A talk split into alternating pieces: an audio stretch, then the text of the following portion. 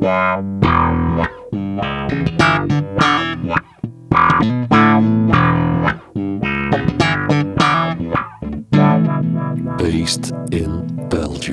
Welkom allemaal bij de zevende aflevering van onze baspodcast Based in Belgium, waarbij we telkens één iconische bassist aan de tand voelen over het reilen en zeilen in zijn of haar muzikale leven.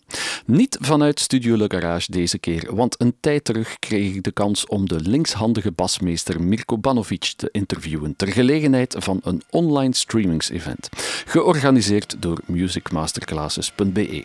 En dat dan nog vanuit Oostende, muziekstad bij uitstek waar de geest van Marvin Gaye nog rondwaart en menige Britse punker aanspoelde om onze nationale rockscene een kick in de nuts te verkopen. Die ongeschaafde muzikale mentaliteit kreeg Oostendenaar Pur Arno ook aangemeten. De cirkel kan dus niet ronder zijn als we met Based in Belgium op deze plek Arno's vaste bassende linkerhand Mirko Banovic de pieren uit de neus mogen vragen. Zijn vaste betrekking bij Le Plus Beau splitst hij met verven op in bijberoepen bij onder andere Arsenal.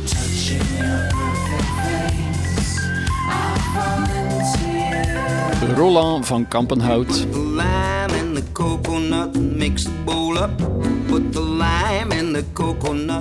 Pieter Jan de Smet. It's August and we're trying to kill our joys with pain. En Flat Earth Society.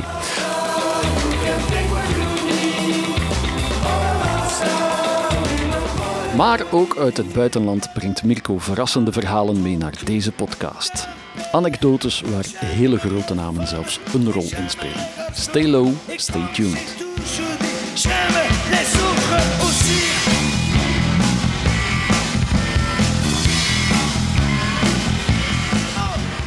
Dag Mirko, welkom. Bedankt, bedankt.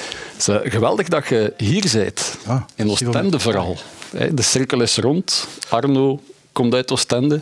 Is voor u Oostende ook een stad die een bijzonder plekje in uw muzikaal hart heeft, gezien de eh, geschiedenis? Absoluut, absoluut. Want ehm, ik heb uh, mijn eerste demo-opnametjes met een van mijn eerste bandjes in Oostende gedaan. In de Lange Straat, ergens uh, op een eerste verdiepje in het gezegende jaar 1900. Ja, begin. Uh, begin de... Nee, in de jaren 90 ergens. Midden ja, 90 denk ik. Of ja, ik weet het niet meer.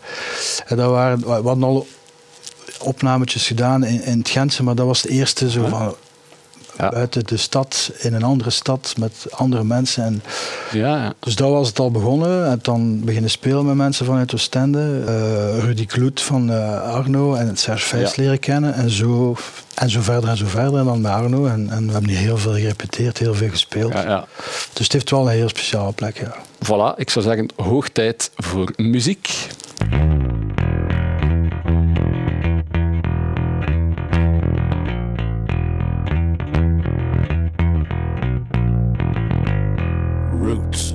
Roots. De Roots, voilà. Je zit er al een beetje over begonnen. Hè. Het is in, in, Gent beginnen broeien en uh, in Oostende is dan de bal verder aan het rollen gegaan. Het moment waarop dat ik u voor het eerst live aan het werk zag, hm? ja, zoals heel veel mensen van mijn generatie, midden de jaren negentig, gingen we uit in Gent. Hm. Daar hadden we natuurlijk de Charlatan, Trefpunt, uh, Café de Turk. Ik was toen ja, een late tiener, denk ik, die ook hm. een beetje begon te bassen. Dus mijn oog was direct gericht op de bassist van de band. En bijna in elk bandje dat ik in Gent zag spelen, waren jij aan het bassen. dus in mijn ogen waren jij de enige bassist in Gent die iets betekende op dat moment. Bandjes gelijk uh, Funk E.T., waar ik nog een cassetje van heb. Uh, met Peter ja. Lesage ook. Was ook al een mengelmoes van jazz, funk, acid jazz. Um, op welk moment in uw carrière zitten we dan? Uh, dan zitten we eigenlijk, ja, in mijn hoofd is dat, allez, is dat eigenlijk het begin, want daarvoor was ik zo'n beetje aan het mhm. spelen en uh, aan het prutsen, zal ik maar zeggen. In, uh, in repetitielokaaltjes en, en, en keldertjes en zoldertjes, ja, ja. zonder te veel te doen. En dan ben ik ja, heel hard beginnen werken aan het instrument. En zat ik toen al, of begon ik in het conservatorium van Gent. En van daaruit heb ik heel veel mensen leren kennen. Waaronder Philippe Wouters, de gitarist, die uh, nu Back Back uh, heeft. Uh, Peter Lesage. Ehm, Tom Wouters en Bart Maris. Ja, dat is ook de bende van Funky Team. Ja, dat, is een beetje de dat was zo één klik. Hè, zo. Iedereen kende elkaar en iedereen repeteerde wel eens met elkaar. Of als het een project was, ja, dat was heel, eigenlijk heel intens, omdat we, ja, we begonnen samen te spelen en tegelijkertijd kregen we de mogelijkheid om in het Tambert te spelen, uh, in het magazijn. Juist, Tambert magazijn, waar dat er heel veel experimentele muziek aan de gang was. Hè? Dan kregen we ook de kans om, uh, om te spelen in, uh, in Charlatan uiteraard. Mochten we in Café de Turk beginnen. Echte jazzcafé al meer. Ja, maar daar mochten we experimenteren. Dat was leuk, want je mocht daar ja, ik heb een nieuw project, ah, doe maar, kom maar. Ja. Dus dat was mijn vallen en opstaan, want soms was dat niet zo denderend, maar je leerde ja. je kunnen en spelen met elkaar, spelen met uh, je instrument. Allee, het was een hele, hele interessante periode, daar heb ik heel veel bijgeleerd, ook omdat ik de chance gehad heb dat ik met veel muzikanten kon spelen die... Uh, die beter waren als mij, waar ik heel veel van geleerd heb. Wat ik, ja, ik moest echt werken om, uh, Tandje bijsteken. Oh, absoluut. En dat was, dat was juist geen dat ik nodig had. Ja. En dan vandaar uh, heb ik dan ook uh, mogen vervangen in een band zoals uh, Stuff Babies on Wheels. Juist, van de Rock Rally nog. Rock Rally, dus...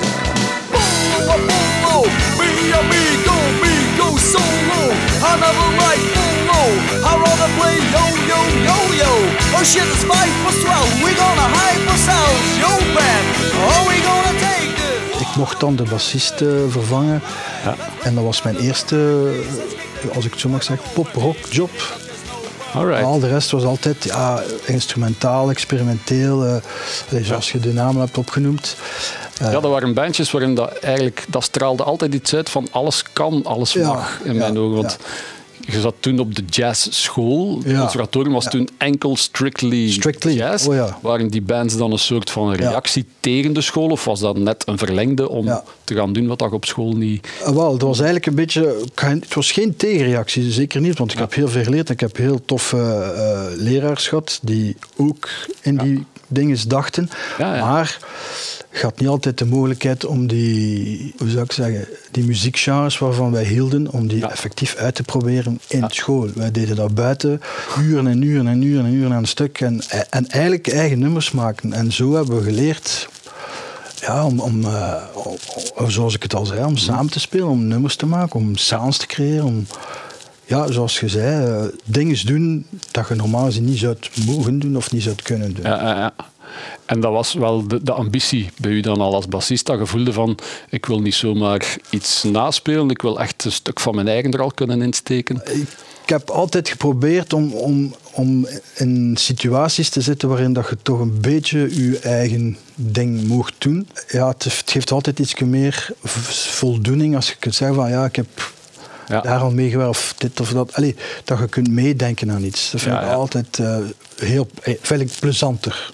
En ook als je een beetje out of the box mocht denken, wat dat super interessant is, wat niet altijd lukt, maar als je de mogelijkheid krijgt of de kans krijgt, dat je die dan ook grijpt. Maar ik heb veel chance gehad dat, dat mij dat voor een groot deel gelukt is. Ja, dus ik ben heel blij daarvoor. Want toen ik zei het er net, was het strictly jazz. Yes. Nu, je zit zelf leraar in de PXL. Dat is al strictly pop eigenlijk. Er zijn scholen die het mengen. Wat vind ik eigenlijk van de opsplitsing? Is dat een, een goede zaak of is dat iets dat... Uh, iets dat, dat spijtig is. Uh, is dat vernauwend of is dat... Um... Ja, ik, in mijn hoofd mag dat niet strictly iets zijn. Ik vind dat, uh, ik vind dat fout. Dus je probeert uh, in de mate van het mogelijke, dan spreek ik voor mezelf, aan uw leerlingen, uh, meer dan alleen maar die of die topic. Of, ik vind ze moeten alles kunnen proeven tenminste, om dan zelf de keuze te maken. Dat vind ik leuk, dat vind ik niet leuk. Want ik vind dat het veel interessanter is om een breed palet te hebben als muzikant te koer dan alleen maar zijn, nee, ik ben alleen maar dit. Want je kunt je dan wel verdiepen en heel goed zijn in hetgeen dat je doet, wat heel tof is. Maar ik denk puur muzikaal of puur, al is het maar voor inspiratie, dat het, ja, ja. hoe breder, hoe beter, denk ik dan. Super. Hoe is dan eigenlijk de, de overgang gebeurd naar de iets professionelere scene, naar de bekendere, de grotere artiesten? Was dat al direct via, via Arno of zat daar nog een hele hoop andere artiesten? Mm. Ik herinner me bijvoorbeeld, om uit de biecht te klappen, dat ik ook al met Bart van den Bossen vroeger aan het werk zag. Ah, wel. En dat je daar evengoed de, de heuveltjes van Erika ah, wel. Ik uh, aan het spelen uh, waart, als dat je heel experimentele jazzprojecten tegelijk. Ah, wel, ik zat op conservatorium en het is iemand die mij zei van ja, je moet dat toch een keer proberen. Ik had dat nog nooit van mijn leven gedaan. En ik heb dat geprobeerd. Het was een fijne bende uh, om, om samen te... En ik heb daar geleerd om bijvoorbeeld songs na na te spelen. Hè, of repertoire heel ja, strikt te spelen zoals het was. Ja, geleerd om in dat genre dingen te spelen waar ik anders totaal geen verstand van had. Dus voor mij was dat ook een leerschool. Ja, ja. Want ervoor ging er van free en van alles. En dan plots moesten ja, een schema of ja, spelen zoals het was. En stroofrefrein, stroofrefrein. En dus het was een goede oefening om even genregebonden binnen ja, stijl, een stijlfiguur te doen en toch je eigen ding er ja. en ik nog in die mate in te leggen. Probeer, maar ik vond, ik, ook al snel wist ik, en dat, ik vond het heel plezant om te doen, waren fijne mensen, dat ik dat niet, ik ging dat niet, allez, gans mijn carrière lang doen. Ik wist dat dat niet specifiek voor mij was. Omdat ik was altijd meer geïnteresseerd in andere genres en andere dingen. En ik wist ook wel dat die andere genres en andere dingen veel moeilijker waren. En zeker ja, minder lucratief waren. Ja, dat commercieel minder interessant. Ja, ja, kan, ja er wordt veel no, money in it. No way. maar wel lots of fun.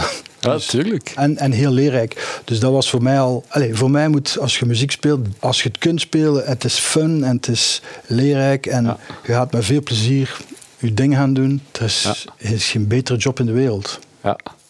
En was dan de overgang naar Arno eigenlijk op het juiste moment in uw leven dat je dacht van nu kan ik mijn concept van zowel stijlgebonden iets in de stijl te doen en toch mijn eigen ding. Uh, nooit over nagedacht op dat moment. Nee? Nee. Nooit, het, is, ik, is puur alleen toeval. Nee, het is gerold van het een en het ander zonder u daar vragen bij te stellen. Ik toch niet. Ja.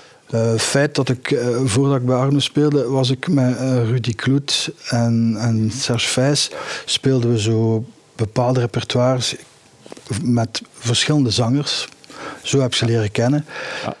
En ik speelde met hen, en, maar dat was nooit niet, ja, nooit geen haar op mijn hoofd die dan dacht van, ah ja, en dan zal ik bij Arno gaan spelen. Dat was, en Rudy was op dat moment nog de drummer ja. even weer. Ja, ja, ik heb... Uh, Want die heeft een paar aan-afperiodes gehad, dacht ik. Ik heb uh, met Rudy, uh, denk vijf jaar getoerd. Ook een notoire Oostendenaar. Absoluut. Ik denk ja. plaat opgenomen of twee met hem. En, en ja, heel veel geleerd van Rudy Kloet. En dat kwam op het juiste moment natuurlijk. Je wordt dan met andere dingen. En dan plots was ze van wow, wat is dat?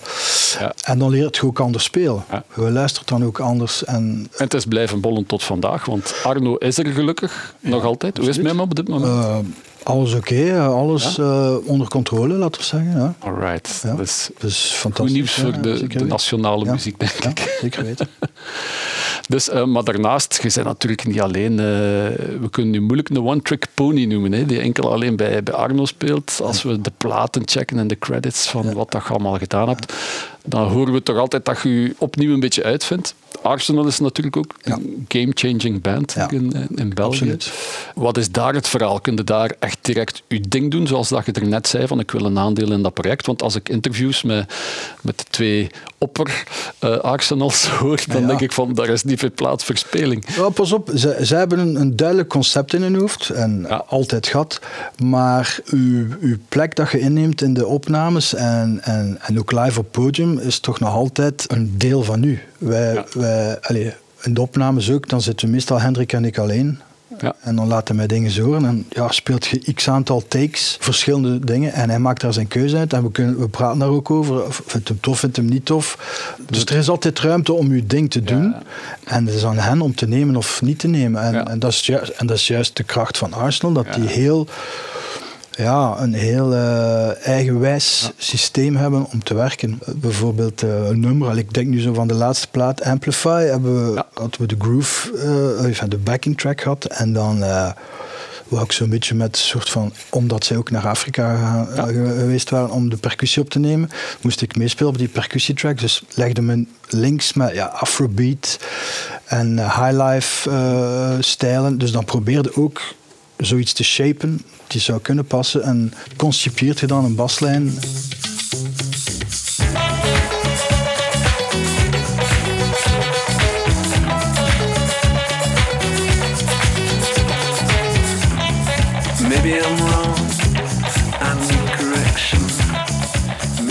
Arsenal opent natuurlijk veel poorten naar het buitenland. Ja. Niet direct qua tours, denk ik, maar vooral qua gastartiesten. Ja. ja. Hadden wel een enorm schoon rijtje. Um, ja, John Garcia bijvoorbeeld. Ja, uh, daarmee Sean, Sean Smith. Sean Smith van, van Brad en zo. Ja.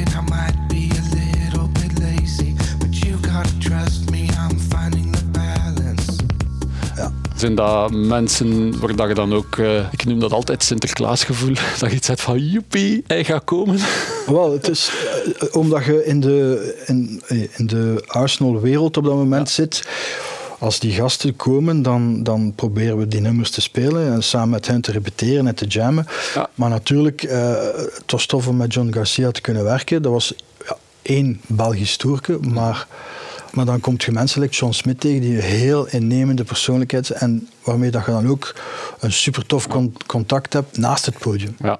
Dat je zegt van hey, het is meer dan alleen maar op dat podium staan. Een collega die je moet begeleiden. Nee, je gaat dan, gaat iets gaan drinken, je babbelt over veel andere dingen. Los van, en dat maakt het heel speciaal dan. En, um, is helaas overleden, maar ik heb daar heel, heel goede herinneringen aan. Fantastische zanger. Uh, ja, ja. Ja. het is zeker iemand die de, de kijkers en de luisteraars moeten checken. Ja, absoluut. Sean Smith, absoluut. De groep Brad. Ja. Met, met, uh, met de gitarist van Pearl Jam. Ja, absoluut. Ja. Gossard. Ja, ja.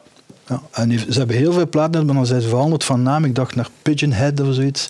Ja. Dus die, heeft, die, heeft, die is blijven platen maken en nummers maken. En, en op elke plaat staat er hier en daar van die ja. Uh, ja, prachtige nummers op.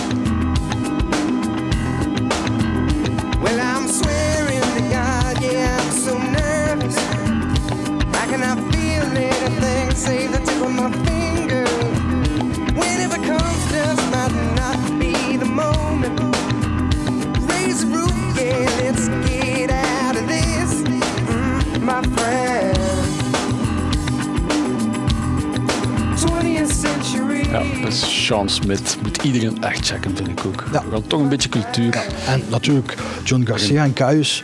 Ja. Dat is een van, een van de, bands. Uh, ja. valt er niks over te zeggen. Dus hij is ook al qua, qua stature is dat, wow. En in uw hoofd denkt je van, oei, de dienen van Kai staat er voor mijn neus. Ik ga meer Nick Oliveri-achtig spelen? Of mm, nee. Is dat moeilijk om dan direct jezelf te zijn? Wel, het ding is, je, je kunt alleen maar jezelf zijn dan met, omdat je sowieso in de Arsenal-wereld zit. Je speelt de nummers die je zelf hebt opgenomen. Ja.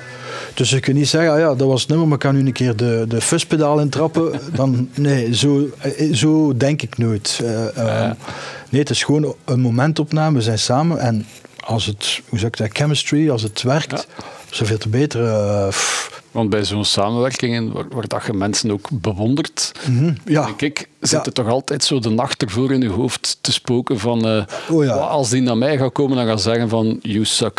Ja, ja, dat, dat zit er altijd in. Ga je dan ook jezelf blijven en zeggen van fuck off, ik ben wie dat ik ben? Ehm, dat is moeilijk, hè? Moeilijk te zeggen. Ik denk niet dat, nee, ik denk niet dat je moet zo'n beetje ja, het ego laten primeren. dat denk ik nu niet. Ik denk dat er vooral een oplossing bestaat. Maar ja, de kans staat er natuurlijk in dat het niet matcht. Dat is ja, ja. niks ergs mee. Hè?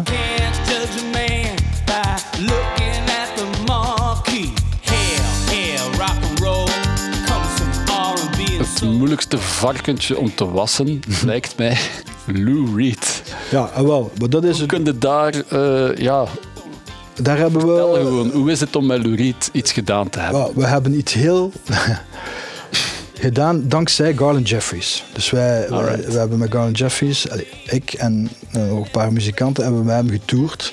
Garland huurde altijd voor Europa een Belgische band en dacht ik. Hè? Ja. Belgische losse sessiemuzikanten die dan hem rondtoeren. Ja, toen Beetje zoals Strand of Oaks als hij naar Europa komt. Ja, ah, wel, hoe, dat eigenlijk gekomen was heel, heel bizar. Ik, uh, kreeg een telefoon of dat ik wou meespelen op Cactus Festival met Garland Jeffries. En hij was daar met zijn Full American Band. Ah, die waren mee. Maar de bassist was was hem afgebold. Oké. En er waren geen repetities. Heel, heel rock and roll. Ja. En, uh, ja, maar dat ging, uh, Garland ging met mij praten. Ik had hem aan de telefoon. Hey man, nice. Dus ik, dan, dan had ik echt schrik. Uh, dat zal wel. was echt van... Cactus dan? Ja. En dat was met een full American band. Met zijn gitarist dat hem al Hans zijn leven mee speelde. Het toetsenist van Where Up the Plant. Uh, echt zo. Ik guys. are, are, we sure? Uh, en toeval wil, dus ik zal het kort zijn. Ik, een paar dagen ervoor uh, sla ik mijn duim tussen mijn, mijn deur. Oh god. En zat ik met zo'n ja, met een heel groot roze verband rond mijn duim. Gezwollen duim. Ja, en moest ik, dat was eigenlijk dat is mijn steunduim. Lefty, hè? Yes. Ja, dus Ik, ik moest zo spelen. Dus ik kwam op Cactus toe en ik zag Garland naar mijn hand. Hey man, you okay? Ik zei, ja, oh, no worry. Maar ik had enorm veel pijn. Ja. Dus ik heb eigenlijk Hans in de set gespeeld. En dat is super goed gegaan. We hebben een goed contact gehad. En dan, x aantal maanden later, mm. belde hij mij of ik een band wou samenstellen om dan te toeren. Daarna is hem teruggekomen en we hebben de Lokerse feesten gedaan en heeft hem Lou Reed uitgenodigd. Op de Lokerse ja. feesten. En Lou Reed uiteraard wil niet repeteren. Als verrassing was dat eigenlijk. Ja, voor het publiek. Wij wisten dat.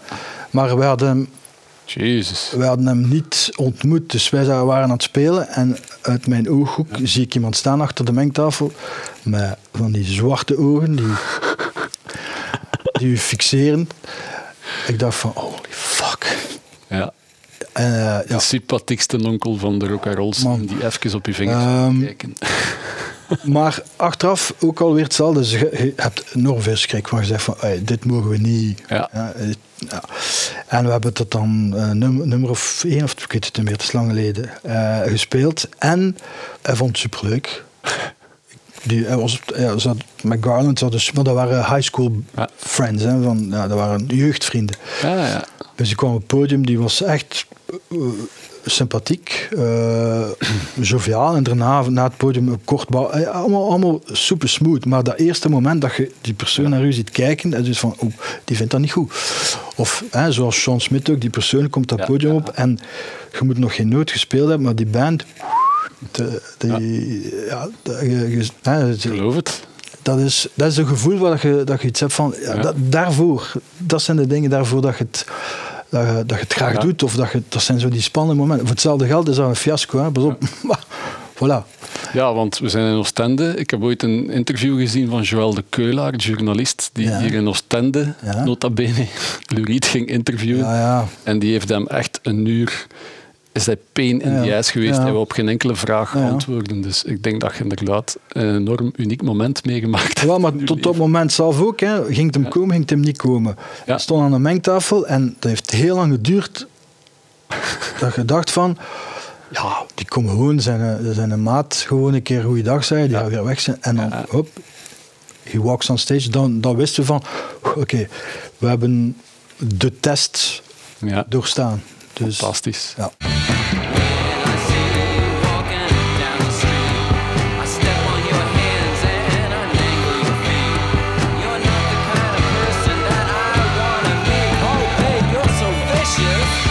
Sluit naadloos aan bij ons volgende item. Oh my god. Oh my god. Oh my god. Voilà, goden. We zitten al uh, in, in, die sector. Hè. We hebben Luriet gehad. Maar uh, wie is voor u God op bas?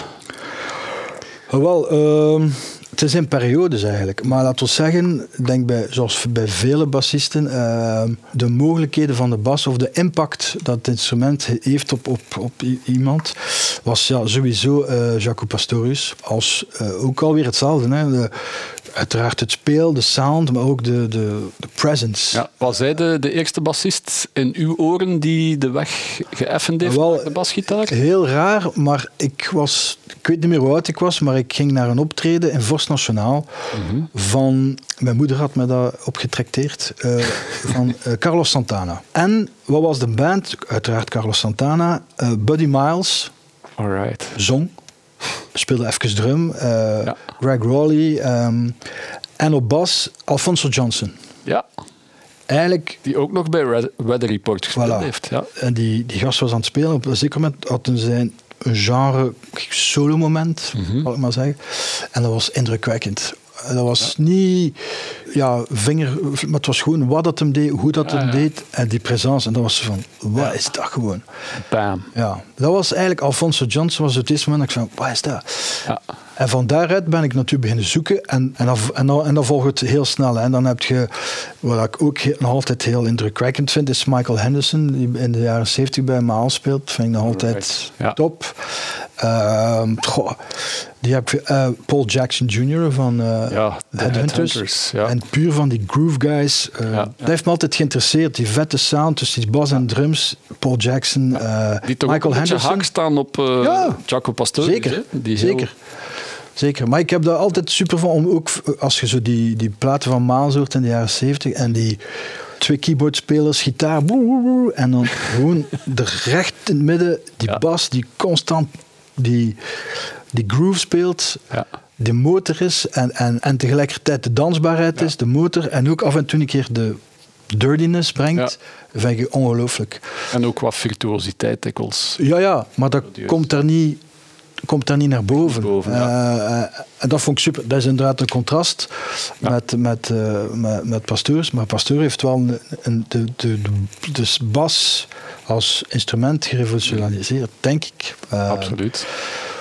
Dus dat was voor mij het bam. En dan later, als ik uh, studeerde, uiteraard, je gaat hem ook te gast hebben, was een van mijn uh, idolen, blijft nog altijd Michel Adzi. Maar Michel is voor mij iemand, als ik die live zag spelen, ik, omdat hem is uh, meer dan Jaco. Hij is veel, heeft natuurlijk, dat was ook zijn god, maar hij is veel meer. Muzikaal ook, wat Michel Adzi doet, is, blijft wereldtop. Ja. Allee, en als je echt wereldtop zou zeggen, dan mag hem zeker in de top 10 staan. No doubt. En die passeerde ook dikwijls in het magazijn in Gent met Akamoon. Voilà, wel. Dat was die zaten in Brussel gestationeerd. Ja, en als in de kaai. kwamen, was dat, in de kaai. was dat in het magazijn. Want ik ging gaan kijken in de kaai, als ze daar nog ja, experimenteerden ook. Hè. Die waren aan het doen en aan het schrijven aan het doen. En dat was vol met, met, met, jongens en meisjes die echt allemaal zaten te kijken naar dat trio die iets totaal anders deden.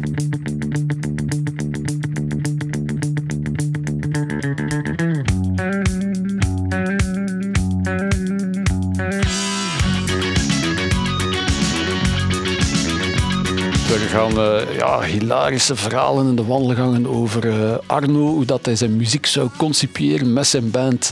Dat hij bijvoorbeeld naar een muzikant gaat en zegt van ja, speel een keer. Dat het nogal heel basic wordt uitgelegd en dat dan aan de muzikant is om het. Ah ja, die verhalen. Die verhalen, ja, maar dat is al. Ja, dat is een beetje... Of hoe gaat het in zijn werk concreet als je met Arno aan nieuwe nummers werkt? Dat, dat kan op verschillende manieren zijn. Ofwel is er een soort van idee van bij hem. Dat kan een ritmisch idee zijn of gewoon een sound. Zegt hij van, ja, mhm.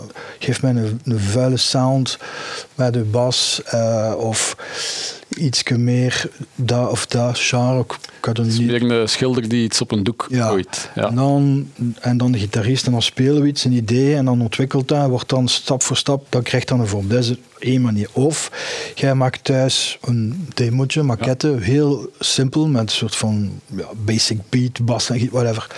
En, en dan probeert hem daar zijn tekst of zijn ding op te plaatsen.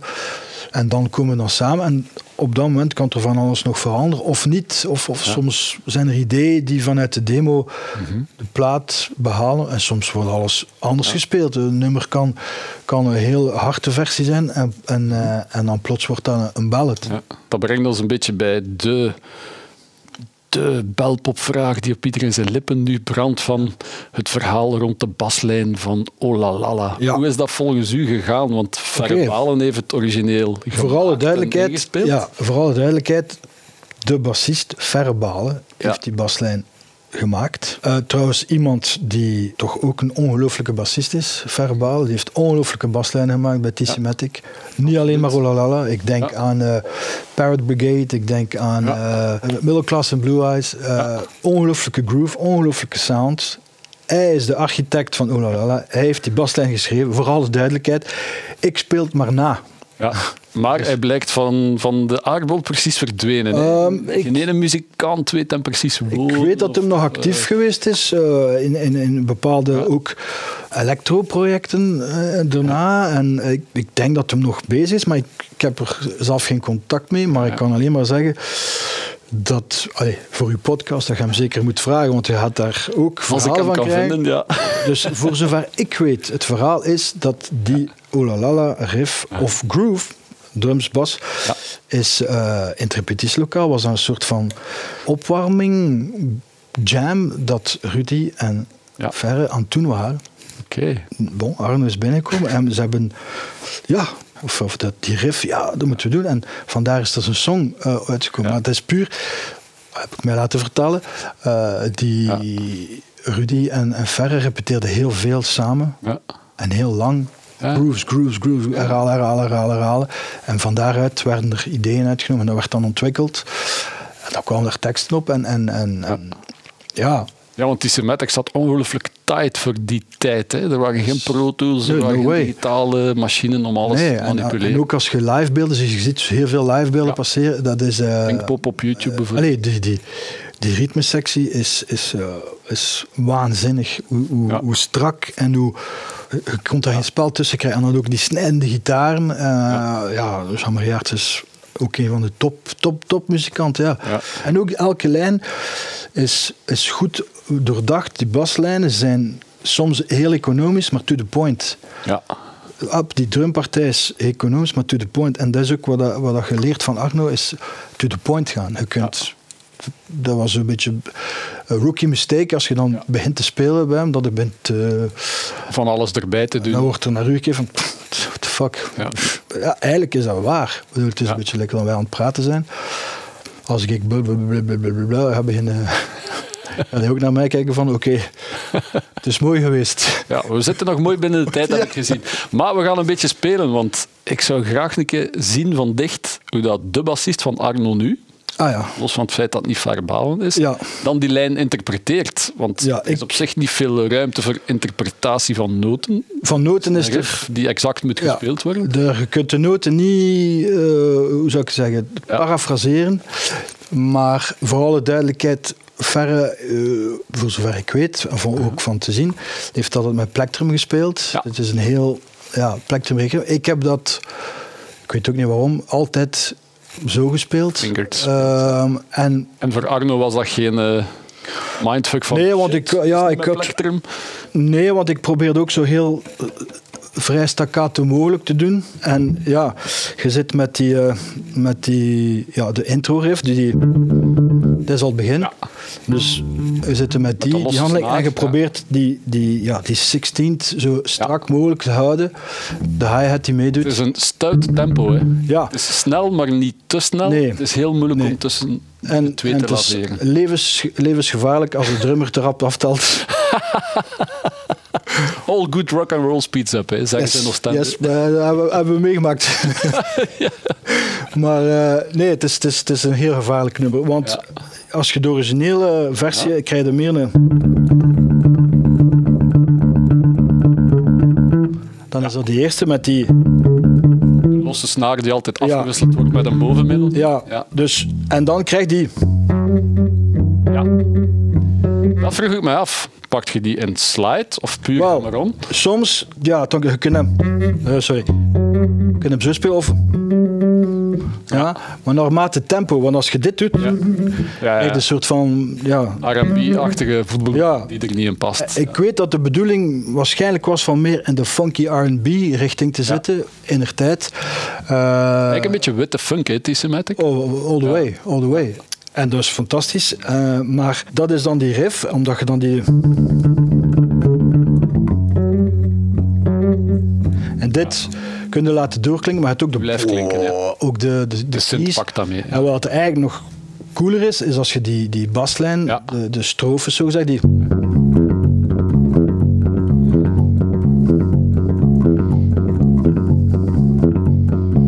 Dat is een supercoole baslijn, omdat dat zo heel, als je traag speelt. En eigenlijk moet je daar niks aan veranderen. Ja. Dat moet blijven rollen samen met die. Ja. Die lijn is, ge, hoe zou ik het zeggen, geplakt op die hi-hat snijpatroon. Ja. En je moet daar niet beginnen totaal niet nodig. de ambitie hebben om even Jaco Pastorius-wise of... Ik zou niet durven. Of Rocco Prestia. Nee, maar dat, is, dat heeft daar geen plaats voor. eigenlijk is het een beetje dat stuk lijntje. Hè, met ja, zo die 16-note funk. Hè, die, het heeft ook zoiets met, uh, zoals... Um, niet, het, niet hetzelfde, maar ook wel ongeveer het dezelfde tijd van Ian Jury en de Black. Uh, ja, Hit Me With Your Rhythm ja, Stick. Fantastische band. Die dingen. Norman Watt Roy. Ja, ook geïnspireerd door. Maar ik weet, ik weet niet wat verre zijn invloeden waren, maar ik weet wel dat ze heel veel naar James Brown en, en, en, en, en zo'n genre muziek aan het luisteren waren. Heel veel funk en soul dat dat een grote invloed was op, op hen. En hij heeft het op zijn manier gedaan. Dus ik, ik, ik zie hem ook spelen op andere bassen, uh, verre, op, op, de, op de opnames. Dus ja, van die walachtige, ook, ja, zo heel, clean. ja, heel, percussief, want dat is ook iets dat heel belangrijk is in die sound, denk ik, is dat die, die heel percussieve metal uh, in your face op van die zware SWT Ampex, dacht 2. Ja, dus, die dan extra... Ja, voor nog zo'n beetje die, die push te geven. Dus dat is uh, wat ik weet van, van die sound van in die tijd, of wat ik toch gezien heb. En, uh, en ik weet ook, als we dan live spelen uh, met Arno, of dat nummer of een ander nummer, dat dat die sound er ook wel moet zijn. Ja, voor degenen die thuis willen proberen, uh, ik, ik, vind altijd het moeilijke, dat is, je zit dan in de groove van de strofe. Ja. Het allermoeilijkste is voor mij als je terug naar het refrein moet. Ja, want je komt van... Moet je weer helemaal... En als je dit voilà. hebt...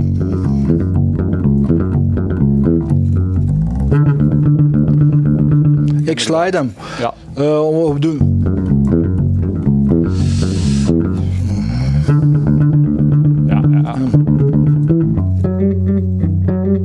doen. Voor mij werkt dat meer als je hem slide. En ook zo, ja, het is, het is ook wel leuk. Ja. Het is fantastisch. Het zijn eigenlijk maar twee riffs. Ja. En het is een hele song. absoluut. dus het is een ongelooflijke uitdaging voor wie dat wil proberen. Ja, zeggen van, absoluut. Uh, zet uw metronoom vooral op. Ja. deze. En, Want de moeilijkheid ligt in de feel en de timing. Op ja. zich, de vingergrepen zijn sava. Mm zijn niet de moeilijkste, we hebben ze er juist gezien. Ja. Dus natuurlijk alles in time brengen. Ja, het is van, het is van, uh, van A tot Z het, het, het, kunnen spelen op een manier dat je niet uh, de feiten moet achterna houden, dat je niet zo... Ja. Uh, snap je dat dat, dat zoiets doet. Het is echt iets dat heel... En dat is... Dat Fall of staat met... Ja, de drummer is, is ook zo de ja, driving force. Hè. Ook die drumpartij op zich, is, daar kun je ook niks aan veranderen. Nee, nee, nee. nee. Dat neemt de schoonheid weg, vind ik. Uh, allee, dat is niet alleen maar met dit nummer, maar pff, er zijn zoveel nummers. Je kunt, je kunt ook niet de, de riff van Start Me Up of... of nee. uh, die ook al een fout was op zich toen dat hij ontstond. Voilà, maar ik wil zeggen, je, kunt ook niet beginnen spelen. We gaan er nog een keer, uh, ik weet het niet, iets, iets, bij doen of nog een extra akkoordje. Of we gaan het jazzifyen. Ja. Dat gaat, dat, ja. En ook als mens of als fan luistert je naar zo'n dingen en je wilt dat dan ook horen. Absoluut.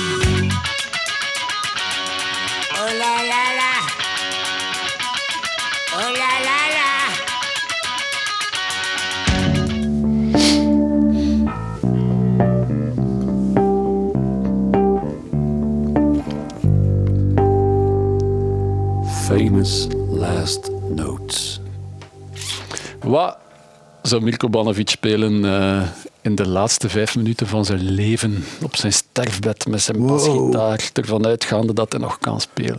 Oh, wel, zou ik mij uh, amuseren en gewoon improviseren met geen er voorhanden is. En zie waar we eindigen. In, in schoonheid of in uh, total chaos.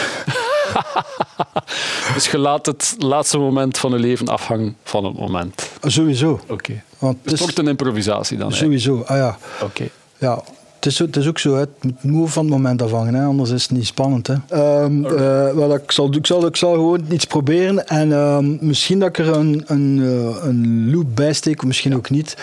Maar gewoon dingen die ik gemaakt heb met dit. Oké, okay. Mirko, Oké. Okay. Music Maestro.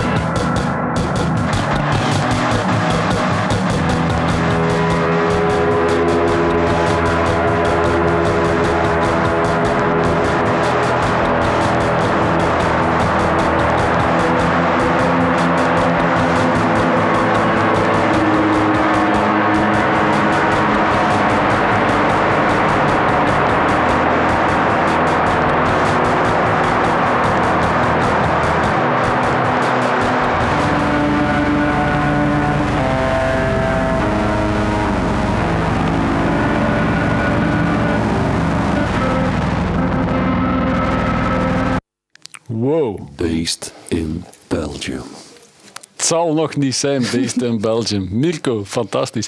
ik hoorde er zelfs een beetje een doodstrijd van James Enseren hier in Oostende zijnde. ja, wie weet. Hoe gelukkig kan je zijn als podcast-host met je allereerste video-episode?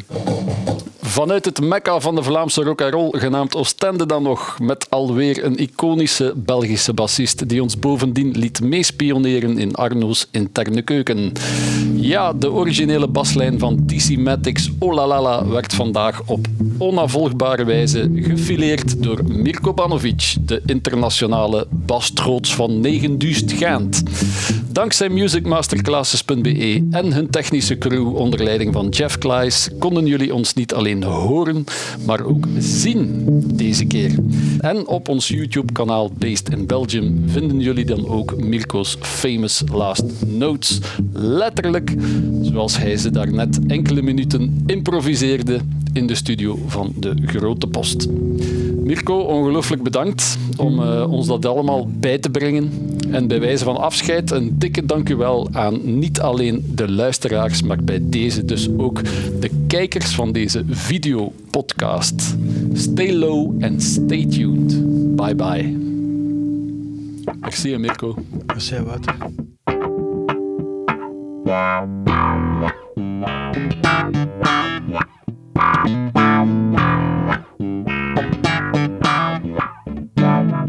Based in